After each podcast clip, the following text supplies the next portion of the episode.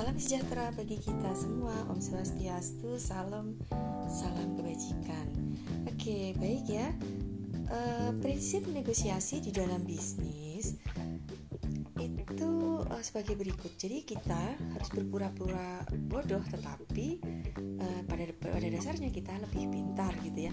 Jadi saat bernegosiasi kita berpura berpura-pura tahu lebih sedikit daripada pihak lawan. Jangan terlihat lebih tahu. Nah, semakin kita berpura-pura bodoh, maka semakin baik posisi kita. Kecuali jika IQ kita itu turun sampai titik yang membuat kita tidak punya kredibilitas. Nah, ada alasan mengapa kita berpura-pura bodoh karena manusia itu cenderung membantu orang yang mereka enggan kurang pintar, anggap kurang pintar atau kurang tahu daripada memanfaatkan atau mengambil keuntungan dari mereka. Tentu saja ada beberapa orang yang kejam yang berusaha mengambil keuntungan dari mereka yang lemah, tetapi kebanyakan orang ingin bersaing dengan orang yang dianggap lebih pintar dan menolong orang yang mereka anggap kurang pintar. Jadi nih Alasan berpura-pura bodoh adalah mengurangi semangat pihak lawan untuk bersaing. Nah, bagaimana kita dapat melawan orang yang meminta pertolongan kita untuk bernegosiasi dengan kita? Kalimat yang kita lontarkan, misalnya seperti ini ya. Uh, saya tidak tahu bagaimana menurut Anda. Nah, kebanyakan orang jika dihadapkan pada eh, situasi seperti ini, mereka akan merasa kasihan terhadap orang tersebut dan melakukan sesuatu untuk menolongnya. Misalnya, saat membaca sebuah proposal. Nah, kita kan uh, berpura-pura bodoh. Maaf, ini maksudnya bagaimana ya gitu. Sambil menunjukkan proposal dan meminta agar pihak lawan menjelaskannya. Atau mungkin dengan kalimat Bisakah Anda menjelaskan sekali lagi gitu ya?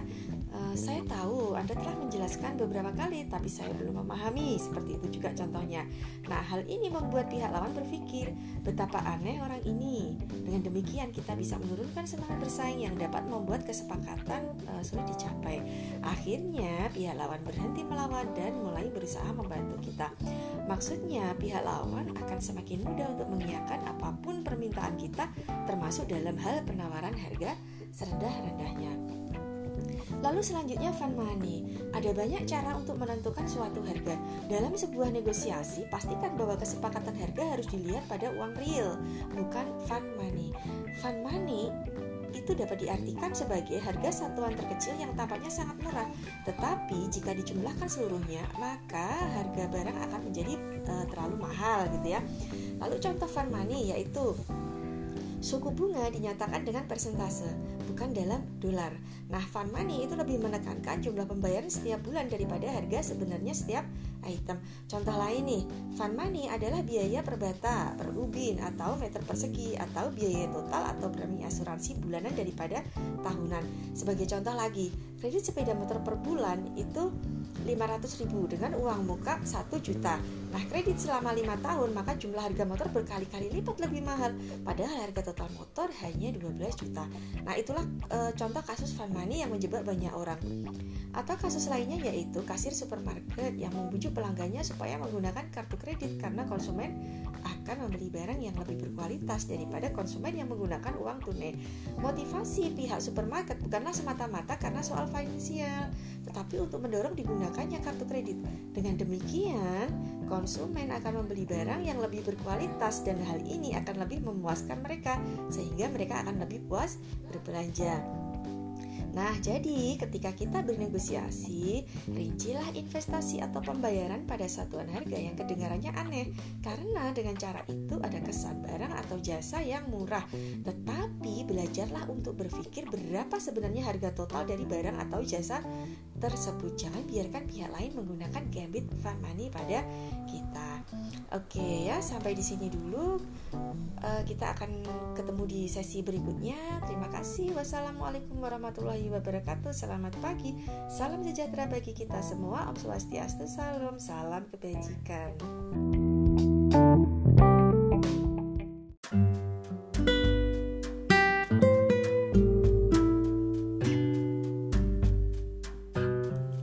Assalamualaikum warahmatullahi wabarakatuh Selamat pagi, salam sejahtera bagi kita semua Om Swastiastu, salam, salam kebajikan. Oke, baik ya.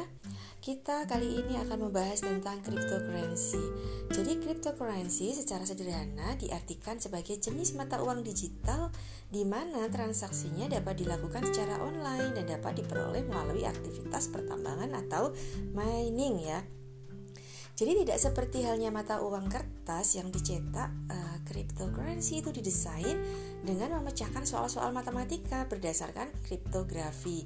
Jenis mata uang tersebut itu ya, itu menuai banyak perdebatan di kalangan para akademisi terhadap kebermanfaatan dan resiko yang dapat ditimbulkan terhadap perekonomian dunia. Terlebih uh, aset yang membackup cryptocurrency itu masih dipertanyakan. Jadi tidak adanya aset yang membackup cryptocurrency itu dapat mengakibatkan inflasi karena peredaran jenis mata uang digital ini itu menambah jumlah uang yang beredar di suatu negara.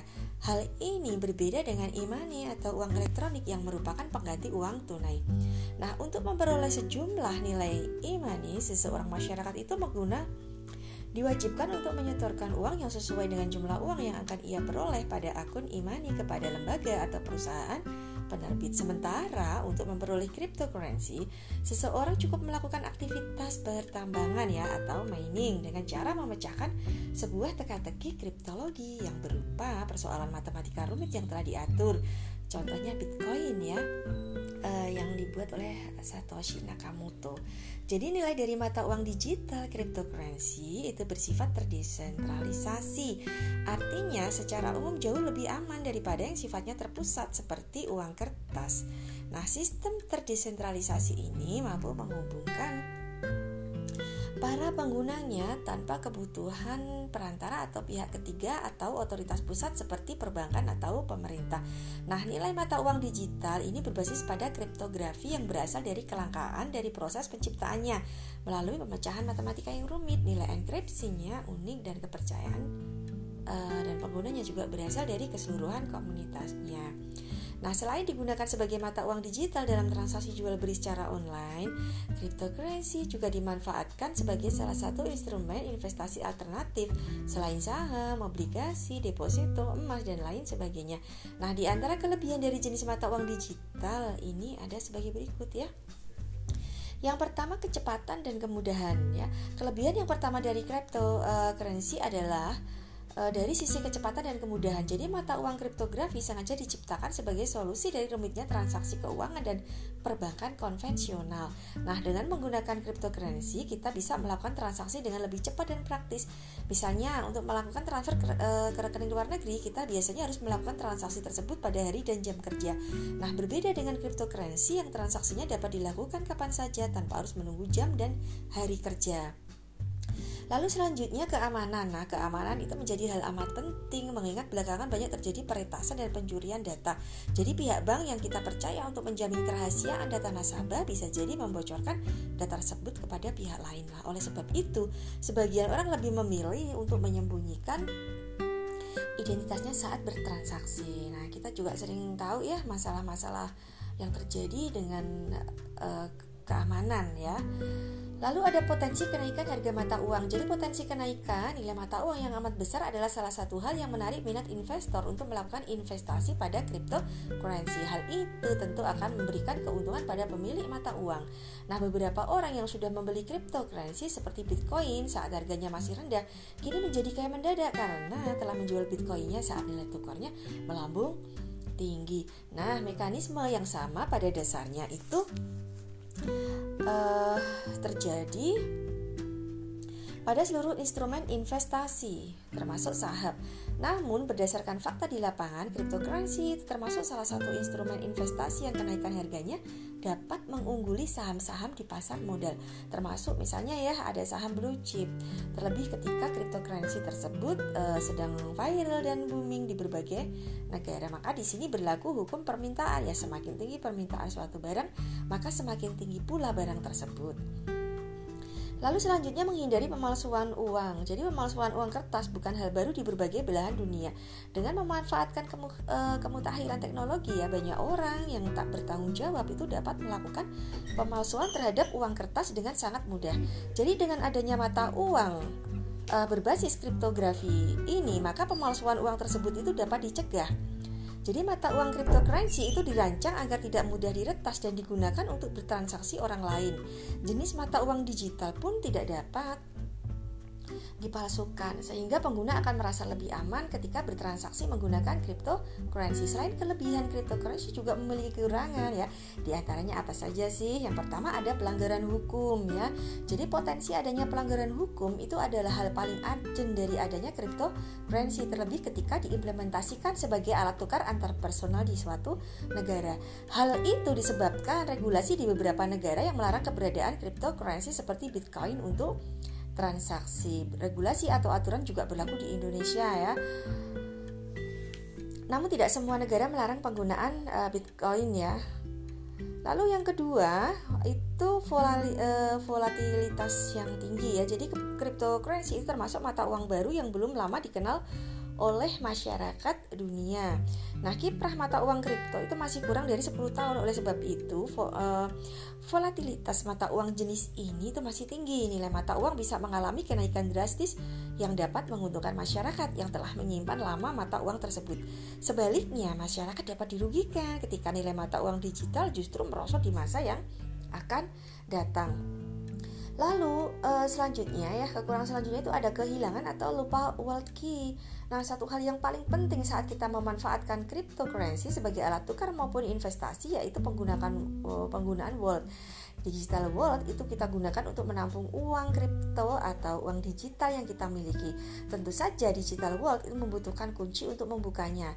Kunci itu berupa apa? Yaitu PIN dan password.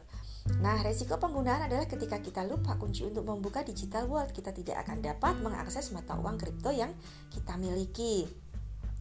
Jadi cryptocurrency itu adalah jenis mata uang digital dengan sistem terdesentralisasi dan menggunakan teknologi blockchain yaitu sistem pencatatan transaksi di banyak database yang tersebar luas di banyak komputer yang masing-masing memuat catatan yang identik. Jadi teknologi ini tuh memungkinkan transaksi yang terjadi antara pengguna cryptocurrency tidak diawasi oleh pihak mana pun. Nah, berbeda dengan transaksi yang terjadi di perbankan maupun e-money, pihak yang melakukan pengawasan itu ada otoritas yang memiliki kewenangan. Jadi teknologi blockchain itu juga sangat aman sehingga uh, sulit diretas atau diubah secara sepihak. Selain itu, teknologi uh, tersebut juga memungkinkan adanya uh, akun yang nggak dikenal, yaitu pihak sender maupun receiver dana pada cryptocurrency tidak terlacak atau terdeteksi oleh pihak mana pun. Nah, sebagai contoh nih, ketika seseorang pengguna cryptocurrency Bitcoin itu akan melakukan pembayaran di sebuah kafe, uang orang tersebut itu akan ditransfer dari akun yang dimiliki ke rekening kafe dan transaksi tersebut akan tercatat di semua komputer yang terjadi di jaringan Bitcoin. Namun, catatan transaksi tersebut itu tidak memuat identitas dari sender maupun receiver dana. Di satu sisi, hal itu memproteksi pihak yang melakukan transaksi, sehingga identitas personal tidak diketahui oleh pihak yang tidak berkepentingan. Namun, di sisi lain, hal itu juga sangat menguntungkan para pelaku kejahatan uang seperti pelaku money laundering. Oke ya, sampai di sini dulu. Kita ketemu di sesi berikutnya. Terima kasih. Wassalamualaikum warahmatullahi wabarakatuh. Selamat pagi, salam sejahtera bagi kita semua. Om Swastiastu, salam salam kebajikan.